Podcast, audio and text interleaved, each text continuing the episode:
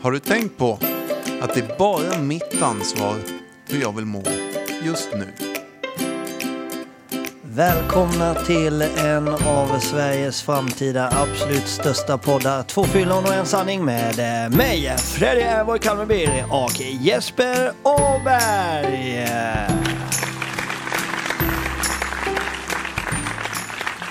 Tjena Jeppe. Hej Freddy! Det, var, det, var, det här var nog den finaste inledningen någonsin som gick mest smärtfri tycker jag. Ja, det kände jag också faktiskt. För du satt och skrev samtidigt som... Ja. Och, och eh, det har ju inte ni hört då, lys, lyssnarna då. Men jag fick så här, innan den här inspelningen nu så fick jag tillrättavisningar då. Först eh, Tommy som skulle rätta min mick och... Ja, och sen Jesper tycker att eh, ja, men, du liksom ingen mon chichi idag eller du behöver liksom inte kommentera hur jag ser ut varje gång. och då ska jag fan inte göra det heller Jesper. Bra. Nej. Så vad kul att du är här. Mm, Ja. Tack. Ja, trevlig stämning det blev det. Och nu vet jag inte vad jag ska säga. Där kommer alltid in vad fin du är eller? Ja vi, kan, vi kan säga så här istället då. Hur har din vecka varit? Hur mår du? Ja, men min, min, jag, mår, jag mår bra. Fast min vecka har varit konstig. Eh, och om jag, om jag ska släppa in det på, på det kanske eh, privata så, eh, så har vi varit lite osams, jag och min fru. Ja. Sådär, radio silence. Så kan det ju faktiskt vara. Vi har Ibland. gått runt och inte sagt så mycket. Så jag har levt mitt liv och hon har levt sitt liv. Så hur perfekt man egentligen är så, så kan man även vara osams. Även jag har mina fel och brister. Jag är inte perfekt som du brukar säga Jeppe. Så det har varit en jättemärklig vecka. Och jag trivs inte med det alls. Nej. Det är hemskt ju. Den man älskar mest pratar man inte med. Och jag, jag kommer fan inte ens ihåg vad vi blev osams om. Det är väl inte så jävla ovanligt va? att det handlar om oftast en diskborste eller en liten strumpa som ligger på fel plats och sådär. Så blir det världskrig. Ja, Det är, tror jag de flesta känner igen. ja när man... Ja. Men det är ju sjukt att det kan bli så. Ja, det är så. Och det kanske inte är så konstigt heller att man, man lever ihop så jäkla mycket. Man träffar varandra varje dag, man har barn ihop, man har liksom, det är ett enda stort företag man driver där hemma. Det är logistik på hög nivå liksom och alla har sina viljor. Och så ska man försöka få ihop den där jävla smeten på något sätt. Nej, Det är allt annat än självklart och enkelt eh, alla gånger. Men hur har din vecka varit då? Nej, men min vecka har varit eh, jobb, eh, fixa lite med huset där hemma. Jag har varit, legat på latsidan det sista halvåret får jag nog lov att säga. Jag bara spyr på allt som har med husrenovering att göra just nu. Men nu har jag kommit igång lite smått och det känns alltid bra. Vi har ju dessutom en gäst idag med som är, var en sidekick idag. Man hör han lite här i bakgrunden. Men det får vi nog leva med idag.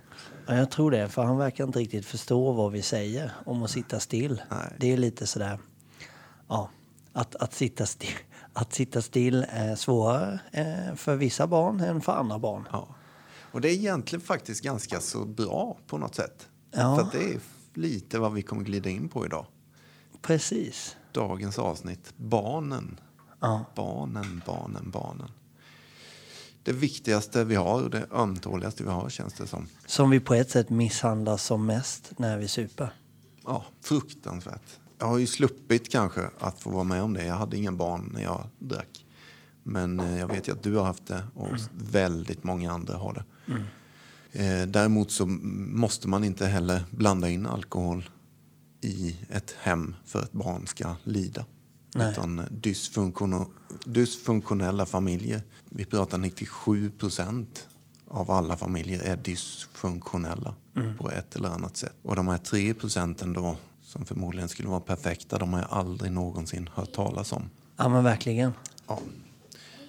Så även om vi blir nyktra och jobbar med, med oss själva så finns det fortfarande barn som, eh, som synar oss från morgon till kväll. Eh, även om vi gör vårt bästa så, jag lovar dig, har man en lupp, heter det va? På ett liv, 24 timmar, dygnet runt. Även den vi ser upp mest till i det här att jobba med sig själv. Jag lovar, det finns skavanker. Nej men och, och alltså, jag kan ju känna skillnad på det där. För att när jag, när jag söp och var inne i, och det har jag gjort mer eller mindre hela mitt liv. Inte supit varje dag hardcore, bara fylla sen ungarna föddes. Men jag har ju ändå druckit väldigt, väldigt många gånger. Och när jag dricker så har jag betett mig mer eller mindre illa. Ibland har det gått jättebra, väldigt många gånger så och det behöver inte vara att man, man blir aggressiv på något sätt. Det blev aldrig jag liksom på det sättet. Men man, man, man beter sig annorlunda. Vad jag utsatte mina barn för första åren i sina liv var ju att jag... Du sa faktiskt, jag snor den nu Jesper. Mm. Alltså att jag började sätta käppar i hjulet för mina egna barn. Mm. De jag älskar absolut mest. Mm. Det som hände innanför våra dörrar började jag jag började helt enkelt sätta käppar i hjulet. Jag, började, jag, jag, jag skaffade vår dysfunktionella familj. Där de fick lägga till sig med, med personlighetsdrag som de aldrig hade gjort om inte jag hade supit eller missbrukat alkohol. Mm. Vad tänker du då? Eller så här, vad, till exempel? Nej men, nej men det kan vara till exempel, och det, det jag kommer på det nu mm. när jag är nykter och vill mm. vara en bra farsa. Mm. För då, nu ser jag saker med helt andra ögon i mm. hela det här tolvstegsarbetet och mm. hela, jag får helt andra insikt i livet. Det kan vara till exempel så här att när jag söp, för er som inte känner mig så kan jag tycka det är kul att dra ner byxorna. Eh, på skämt. Alltså inte helt naket men typ som Ronny Ragge, lite rumpa. Alltså man visar mm. lite springande bak. Alltså man busar lite. De kanske dansar på bordet. Typiska grejer som du gjorde när du drack menar Ja men ja, precis. Ja. Alltså, jag gjorde saker när jag var onykter. Det behöver inte vara att jag var sketfull och liksom bara raglade fram. Men när man har fått i sig ett par öl så börjar man släppa på vissa grejer. Mm. Då upplever, får jag för mig, mina barn att de tror att det är okej. Okay så här, så här gör man pappa glad eller så här skrattar vi tillsammans när vi busar för jag har druckit ett par öl. Mm. Då busar vi på ett sätt. Mm. Sen blir jag nykter helt plötsligt. Mm. Och, och då får de reaktionen av mig, ja men vad, sluta nu. Håll inte på och tramsa eller vad, vad gör vi nu? Stå inte där och visa röven. Nej men precis, vad fan gör du? Dra upp ja. byxorna. Är, är, du dum i huvudet eller? Nu sa jag inte så men jag kanske tänkte så och gav en blick. Mm. Varpå såklart jag också då skickar med en liten olustig känsla till mina barn som mm. säger, de säger inte till mig men de tänker, vänta nu, det där var ju okej igår kväll och nu får jag en, en blick som säger att det där var inte alls okej. Mm. En o, alltså, jag naggar ju på deras självkänsla. Mm. De vet snart inte vad som är rätt och fel. Vad får jag göra? De blir väldigt osäkra på sig mm. själva. Jag får för mig en trygg familj så vet man det där. Mm. Man vet ungefär vad nivån ska vara. Man, man, man, eh, det här kan vi skämta om, så här gör vi och, och, och så lär man sig känna efter det. Mm. Ja, alltså, och det känner jag igen själv från när jag var liten. Liksom, att man visste aldrig riktigt när var det dags, när var det inte dags att skämta och, och såna här grejer. Och det föder en ren och skär jävligt dålig självkänsla. Mm, visst gör det. Till synes kanske fånigt exempel med att dra ner byxorna som Ronny Ragge. Som jag sa, det har nog väldigt många gjort på fyllan sådär och tyckt att det är ballt och det.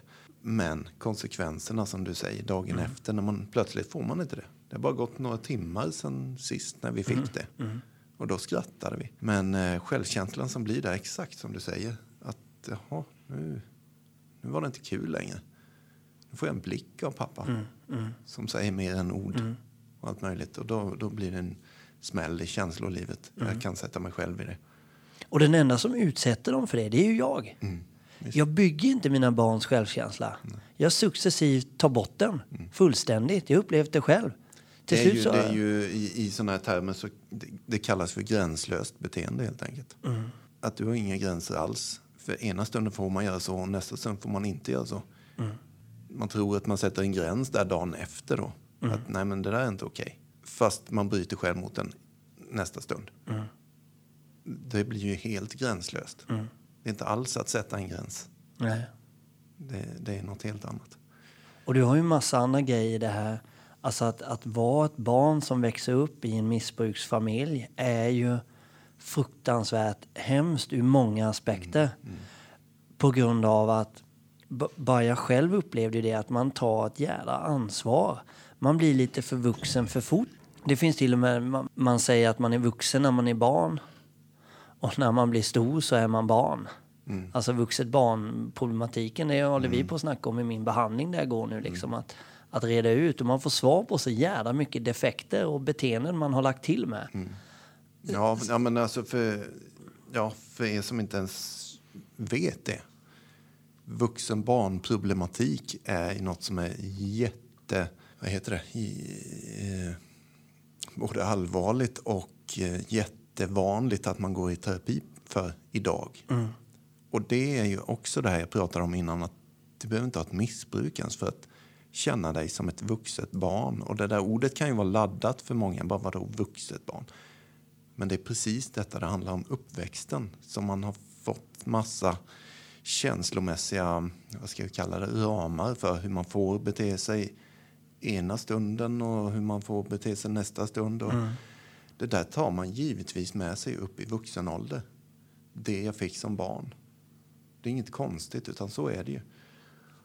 Då blir det väldigt märkligt då när man ska gå på firmafest. Eller när man ska sitta i en arbetsintervju. Vad fan får jag säga i det här sammanhanget? Man har redan lärt sig då förmodligen att scanna av hela rummet. Så här borde jag nog lägga mig nu på den här nivån. Så här verkar de vara här. Man anpassar sig och man blir superduktig kameleont bland nya sällskap och så vidare. Men det, inget av det är egentligen vad personen i fråga vill. Jag vill egentligen vara mig själv. Men jag har fått lära mig sedan barnsben att anpassa mig. Den här vuxna personen tycker si och den där vuxna personen tycker så. Ja, det är ju ett jäkla heltidsarbete som ett barn inte ska behöva ha. Nej, och det är precis. Både ett barn. Det finns mängder med barn som ni träffar på när ni lämnar era barn eller träffar barn som är på väg till skolan som cyklar dit med en klump i magen på grund av det som har hänt i helgen eller det som var på morgonen eller det som var kvällen innan. Men det, alltså just det här avskannandet, alltså den här observerande blicken hos eh, eh, min brorsa var ute på turné. Han jobbade med turné och uh, artister och sådär. Och, och då, då jobbade han backstage heter det. Det är där artisterna är och sitter och väntar på att gå upp på scen och gör sig i ordning och sådär. Och Då, då var han där och det var ett band också som skulle spela bakom den här artisten. Då, då sitter David där med hökögon liksom. Det här observerande sitter min storbrorsa och bara tittar runt liksom. För att behöver någon vatten, behöver någon någonting så är jag med.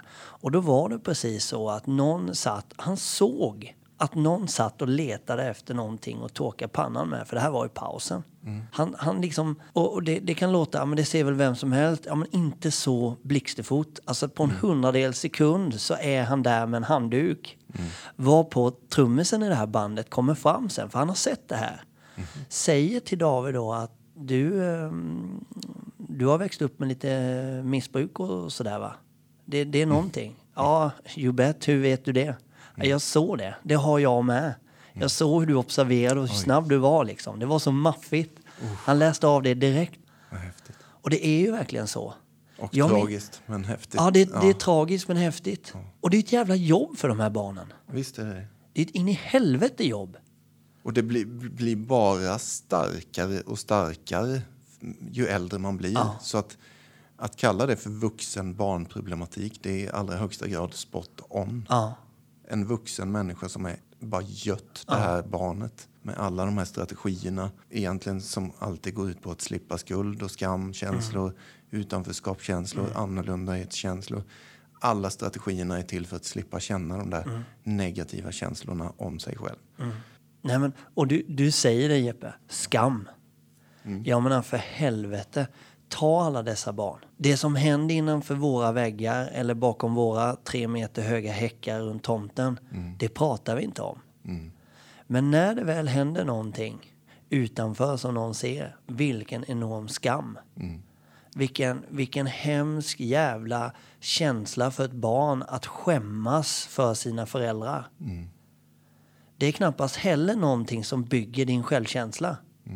Den, den tar sönder din självkänsla. Visst är det så.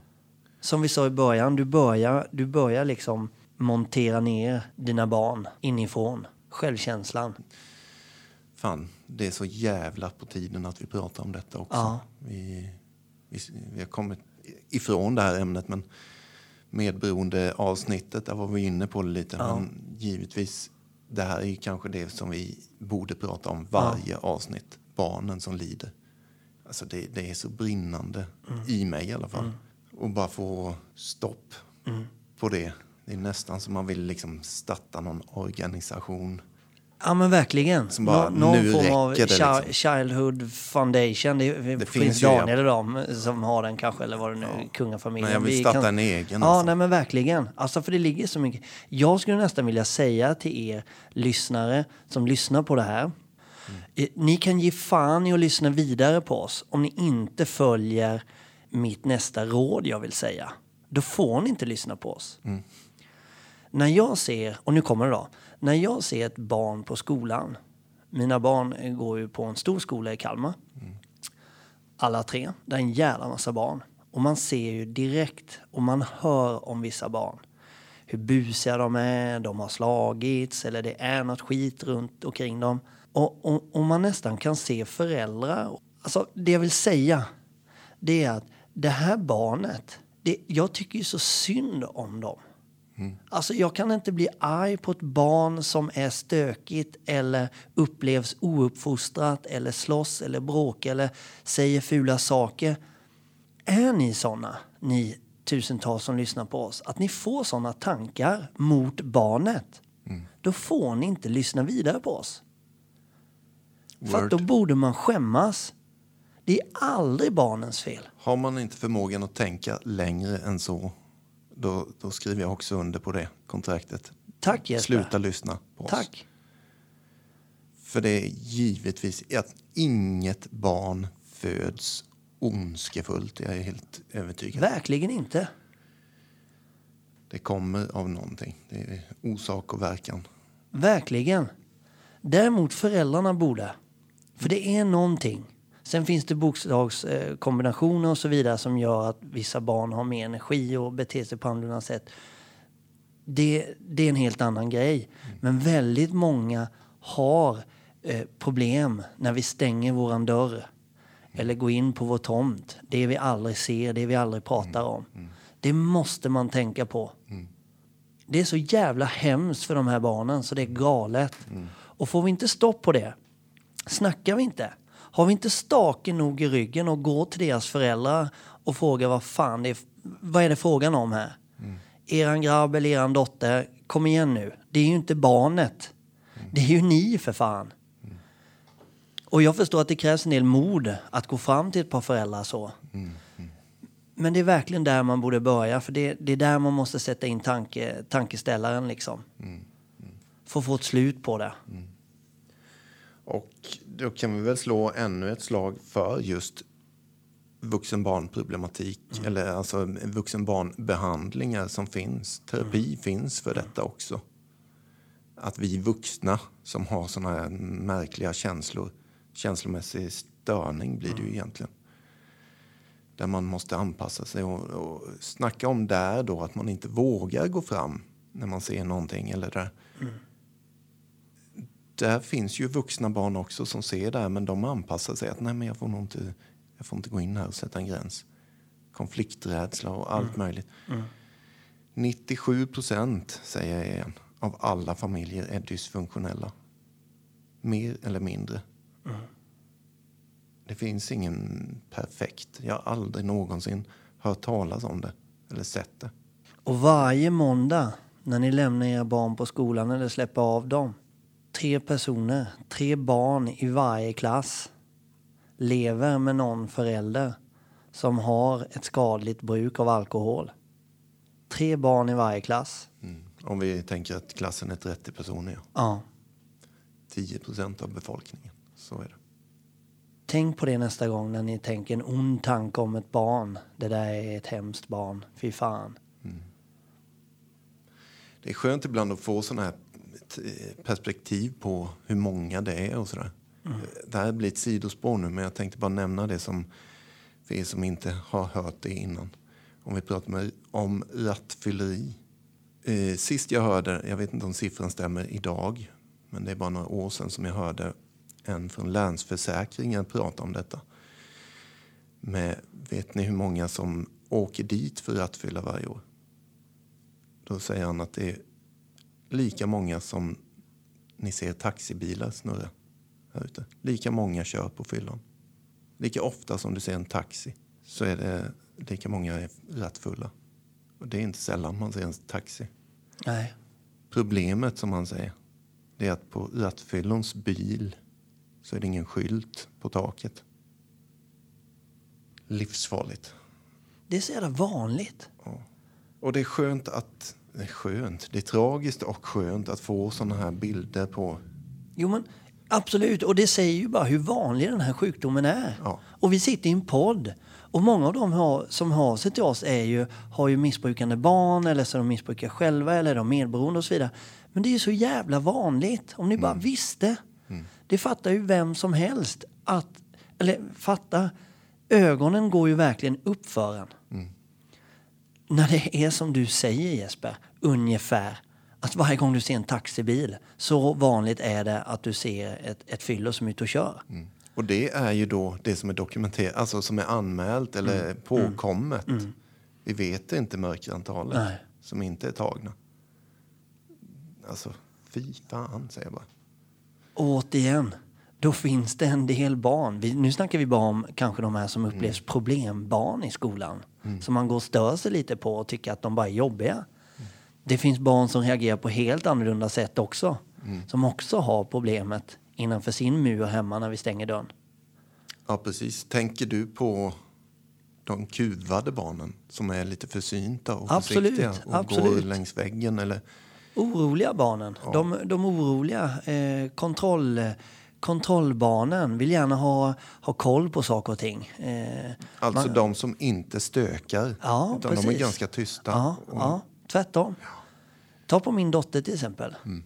Eh, hon, och, och jag skäms ju för det jag säger nu. Mm. Men det är ju så. Jag har ju, jag har ju förstört en del hos henne som vi måste jobba med nu på Mm. grund av mitt, eh, mitt missbruk. Eh, jag kan ta ett exempel. Alltså hon är då tio år nu och vi var på, på fotboll och nu har jag ändå snart varit nykter i två år. Men det sitter så djupt i henne. Det här kontrollbehovet. Vad gör vi nu? Vad är, vad är Mio, hennes lillebrorsa? Ofta honom, det har liksom fastnat hos henne. Vad är Mio? Vad gör han? Vad äter han? Vad ska han äta? Har han ätit frukost? Har han ätit middag? Eh, när kommer han hem? Ska han träna på söndag? Och det här är frågor från ett tioårigt barn. En syster som borde egentligen säga Fan dra åt helvete, jag vill vara själv på mitt rum liksom. Ja. Vi var i alla fall och spelade fotboll. Vill du säga något Jeppe? Nej, men, ja, jag bara tänker att det kanske du redan kommer säga. Men det som, som man hör här är ju att det är en tioåring som har blivit vuxen. för. Precis, precis. För att den vuxna som skulle vara vuxen fanns inte där riktigt. Nej. Då. Hon har tagit den rollen.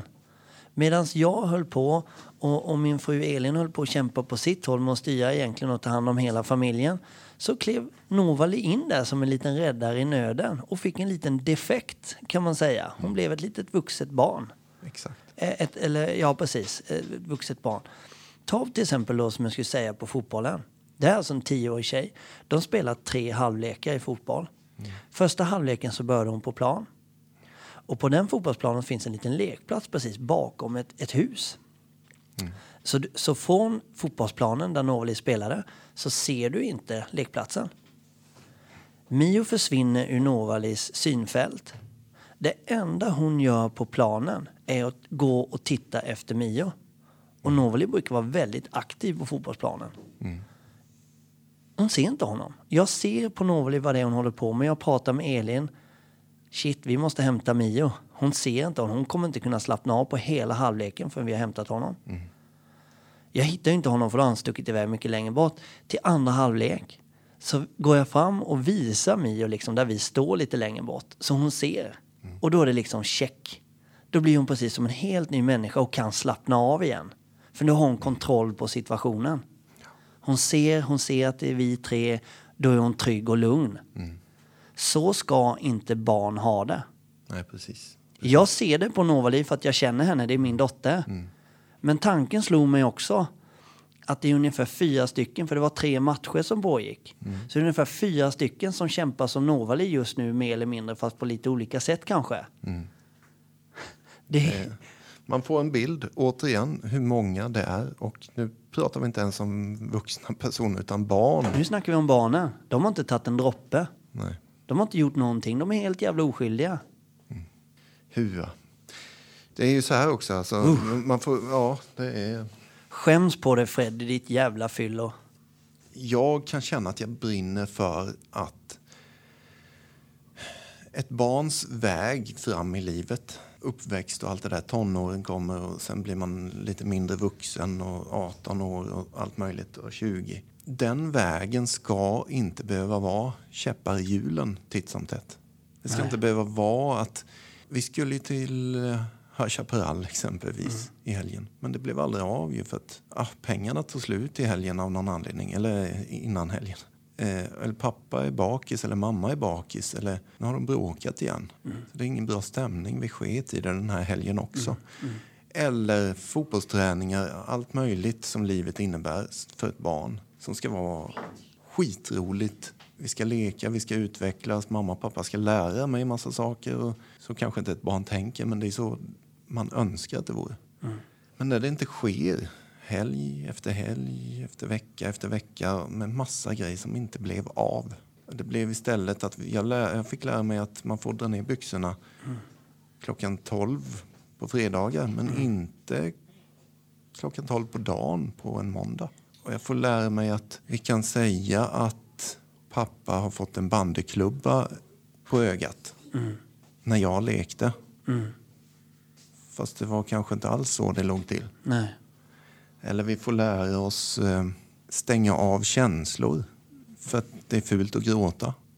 Vi visar inte sånt. Ah, det är fruktansvärt. Jag, jag vill att ett barn ska alltid få vara ett barn. Och ett barn ska få...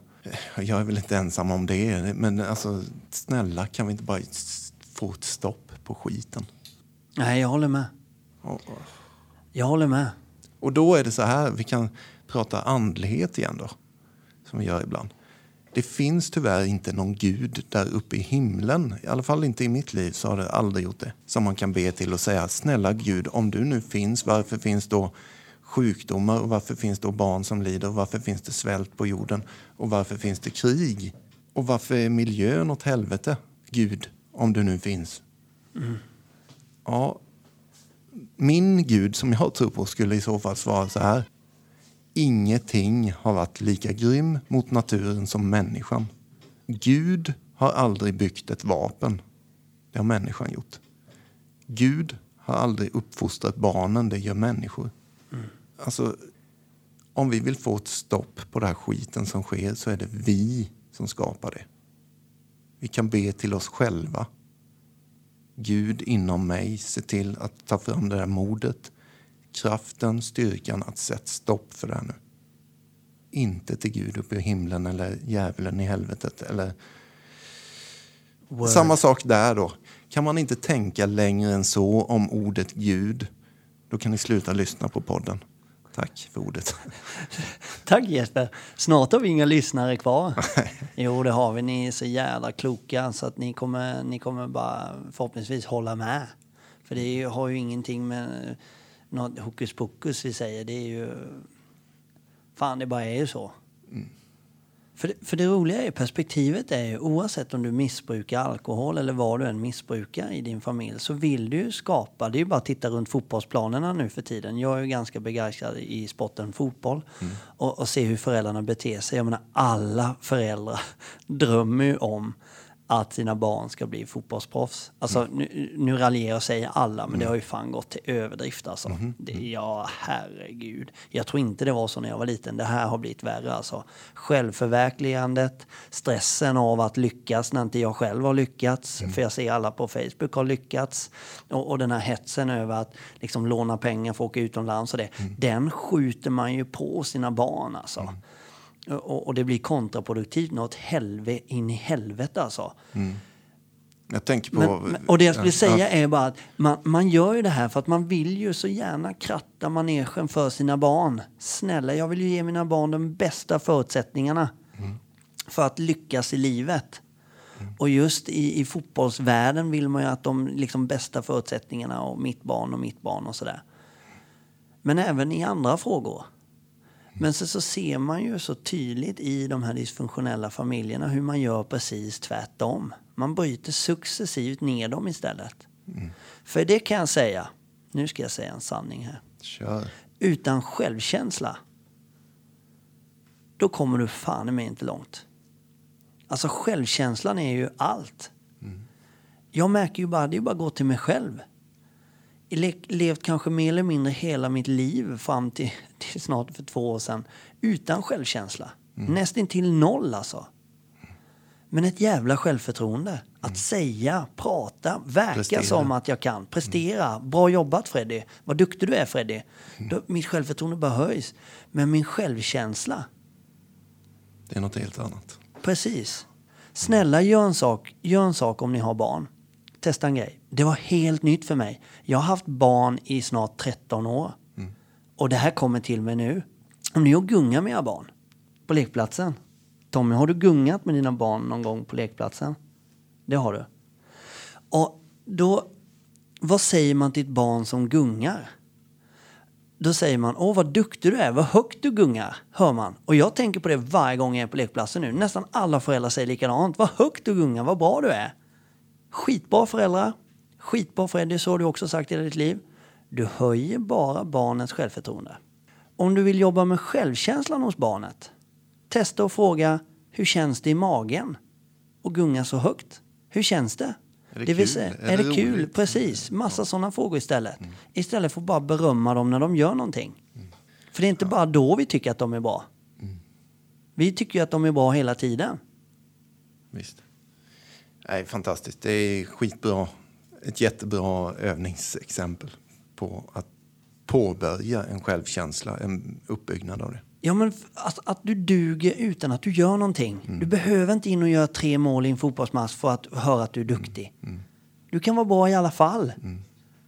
Jag tänker på... Det är klart, eh, eh, de får inte vara för dåliga i en match för då, då, då skäller jag lite. Men eh, det får, fan, det får fan finnas någon gräns också.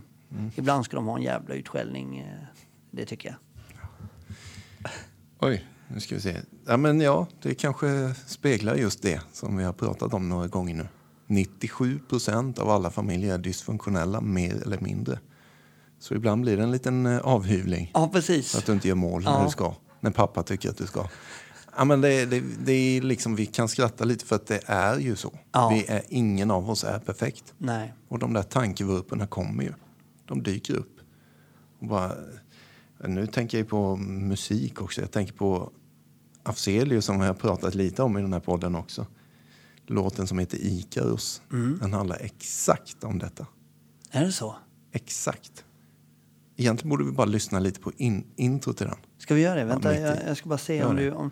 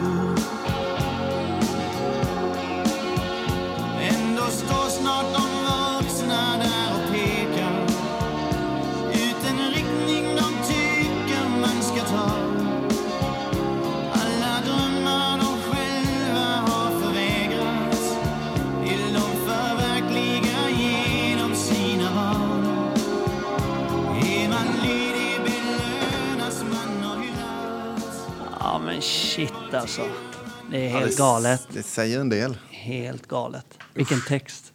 Det är hemskt ju. Den Men det är helt- viktigt. Ja, det är viktigt. Den får en helt ny innebörd. Så är det. Om man lyfter upp det här ämnet innan och sen kör och lyssnar. Det är, ja, det är, ja vad ska jag säga?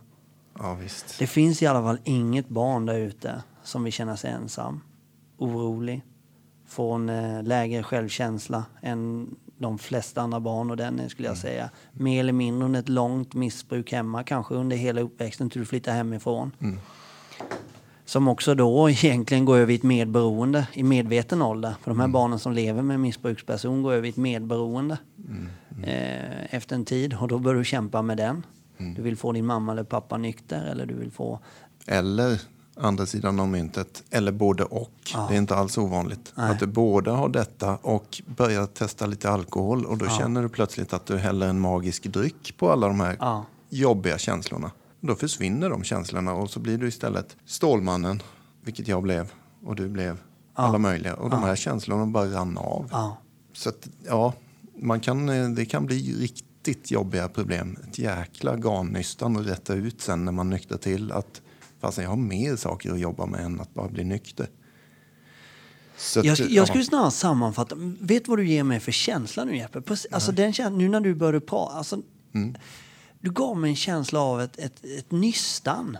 Mm. Ett, ett garn inom mig. Som är Kanske för att jag sa garnnystan. Ja, ja nej men alltså som ett garn inom mig som är trassligt. Ja. Jag får inte upp det liksom. men jag precis. kämpar med så mycket olika känslor inom mig. Jag är tio år på skolgården och det, jag, jag yttrar mig på ett sätt som de andra barnen inte gör. Mm. Vilket i sin tur leder att jag får mer skäll i skolan. Mm. Och hur påverkar skällen? Jag vet hur det känns att få vuxenskäll. Mm. Och det slår på min självkänsla. Jag får mig att känna mig värdelös. Det stärks ännu mer, de känslorna som du redan hade. Att ja, det var sant. Ja, jag är värdelös. Precis. Det säger de här vuxna också det. Sätt det i huvudet på ett litet barn. Snälla någon. Vi, vi måste hjälpas åt för de här barnen. Ja, vi får starta en organisation helt enkelt, eh, Jeppe. Det ska vi göra. Jag, Vi måste det. Det Ja, finns ju BRIS jag och kan sånt här. men jag, menar kan fan i mig, jag kan känna till och med, jag är i affekt lite nu, men jag kan här och nu lova er allihop att det här kommer vi genomföra. Vi ska starta någon form av organisation för det här. Det var så jävla häftigt. För jag tror bara genom att man informerar, att väcker upp ögonen på folk. Väldigt många vet om det här såklart, men väldigt, väldigt många kan inte ett skit om det. Jag hade ju supit i hela mitt liv i princip. Jag visste ingenting om hur sjukdomen funkar, om medberoendet och varför Elin var på ett visst sätt när jag blev nykter och hur mina barn led. Förrän jag började gå i behandling och tolvsteg och, och på möten och allt det här liksom. Det är lite som, det, det är som att plötsligt drog du upp ru- rullgardinen för fönstret och såg att oj, så här ser verkligheten ut. Ja. Så kändes det för mig i alla fall. Ja, samma här. Man bara plötsligt insåg att det finns något som heter känslor. Ja, Bara, jaha. det har jag. Ja, herregud. Eller negativa känslor, det hade jag känt hur mycket som helst. Det Ja. var ju hemmaplan, Ja. hemmamatch. Men plötsligt när man började må bra då, då blev det bortamatch och osäker och bara oj. För definitionen av, det som gör det här ännu värre, vi kan bara spä på hur mycket som helst här. Det är att okej, här har vi föräldrar, lärare som agerar mot vissa typer av barn. Och barnen som är lite mer tystlåtna och sådär mår dåligt i sig.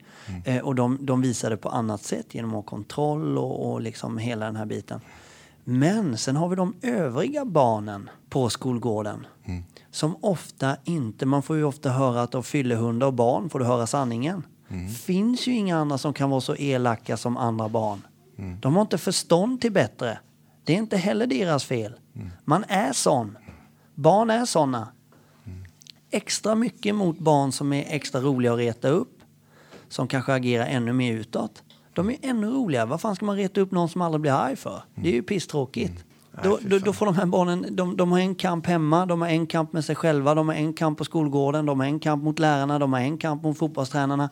Det, är liksom, det tar aldrig slut. Och hur fan tror vi att de är när de växer upp, precis som Björn Afzelius sjunger? Shit, vi måste göra något här Jeppe. Har du gått in på nätet nu på paddan och registrerat eh, så att vi kan starta vår lilla Vår fond. fond, foundation? Det måste vara engelska. Ja, just det. Nej, det har jag inte gjort än, men jag, vi, något ska vi göra. Och därför jag, det här blir man så satans arg för.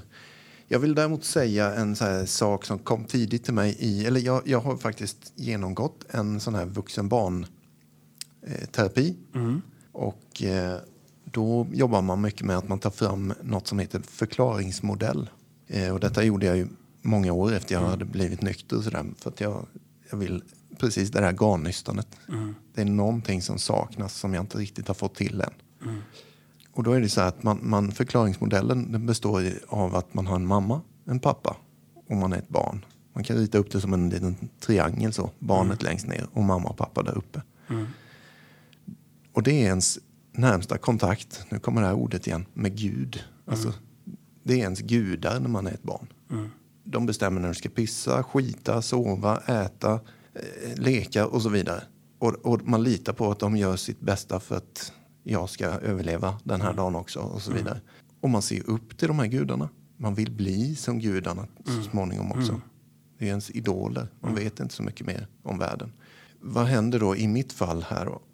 Utan att bli alltför privat så är det så att när jag är två eller tre år gammal kanske, då försvinner en utav gudarna i mitt liv. Då. Pappa försvinner. Utan någon som helst förklaring dessutom. Inte ett ord. Och jag, jag växer upp och jag är ledsen över det emellanåt. Och jag gråter mig till sömns ibland och sådär när jag blir äldre. Jag är sju år gammal eller sex år gammal. Jag undrar liksom vad... För att jag, jag, vad jag däremot upplever, det är ju en annorlundahetkänsla. De andra barnen, grannen där, de har ju en mamma och en pappa. Jag upplever ju utanförskapet i det, att jag vet inte riktigt hur det är. Jag får en känsla av övergivenhet. Det här är jag ju inte medveten om då, men det, rent psykologiskt så är det det som sker. Ett barn vet inte bättre än så, Nej. utan det kommer inifrån. Och så småningom så lär jag ju mig då de här strategierna för att slippa känna så här. Det är ju inte alls kul att känna så. Så jag lär mig det ena efter det andra strategin och jag blir, vux, jag blir 15 och jag blir 17 och jag blir 20 och så vidare. Och så är jag 30 så småningom. Och jag brottas kanske då med, det är ju inte ovanligt att ett övergivet barn som har känt sådana känslor eller, och ensamhetskänslor och sådär utvecklar en eh, liten störning som kallas för svartsjuka exempelvis. I en relation när man blir vuxen. Nej. Att, tänk om jag blir lämnad igen. Det spökar liksom för en. Och, och då, då försöker man ju hålla fast den där relationen med klor, liksom näbbar och klor. Jag ska inte förlora det här igen. Jag vill aldrig mer känna det jag kände när jag var liten. Det blir ett sidospår här nu. Det är skitbra Jeppe. Ja, men det jag vill säga är alltså många barn som växer upp på det här viset eller andra vis får de här känslorna tidigt i sig. Man föder den här annorlunda känslan, utanförskapet, övergiven, ensamhet, värdelös, allt möjligt. För det är ju också så ett barn tänker som treåring. Det, det gör man inte medvetet, men det psykologiskt funkar så. Jag är värdelös, pappa vill inte ha mig. Eller mamma, eller så vidare. Ett barn förstår inte bättre. Många barn får också en känsla av att den här familjen hänger på mig. Och detta är viktigt. Att mamma och pappa är glada och att vi håller ihop allihop. Att inte någon av gudarna sticker. Det hänger på mig. Om jag beter mig så här så är pappa glad. Om jag beter mig så så är han arg. Eller mamma. Nu vill jag att alla som lyssnar funderar igenom det. Kan ni någonsin, ni som har barn och ni som inte har barn, men ni kanske vill ha barn, kan ni någonsin säga till ert barn, sätt dig på en stol framför och säg Du, det ska du veta, mitt barn, den här familjen den hänger på dig. Det är du som ansvarar för att vi ska ha det lyckligt och bra. Nej, nej precis, utan det är de vuxnas ansvar. Det betyder med andra ord att alla de här känslorna som ett barn har fött, annorlunda, ensamhet, utanförskap, som jag nyss rabblade upp, de är byggda på falska grunder. Det är inte sant att det här är ett barns ansvar att gå runt med de här känslorna för att ta hand om det här som har hänt. Mycket viktigt. Ja, det är skitbra. Fan vad bra det var. Vilka, vilka, vilket tal till nationen Jeppe. Det var det blev- grymt. Och jag, jag summerar ner det här. Jag summerar ner den här skiten vi har pratat om på något Mm. sätt. För det är ren och skär. Alltså det är inget barn som ska behöva må så här. Vi vuxna utsätter dem. Och jag tycker jag summerar ner det till självkänsla. Vi pajar deras självkänsla totalt.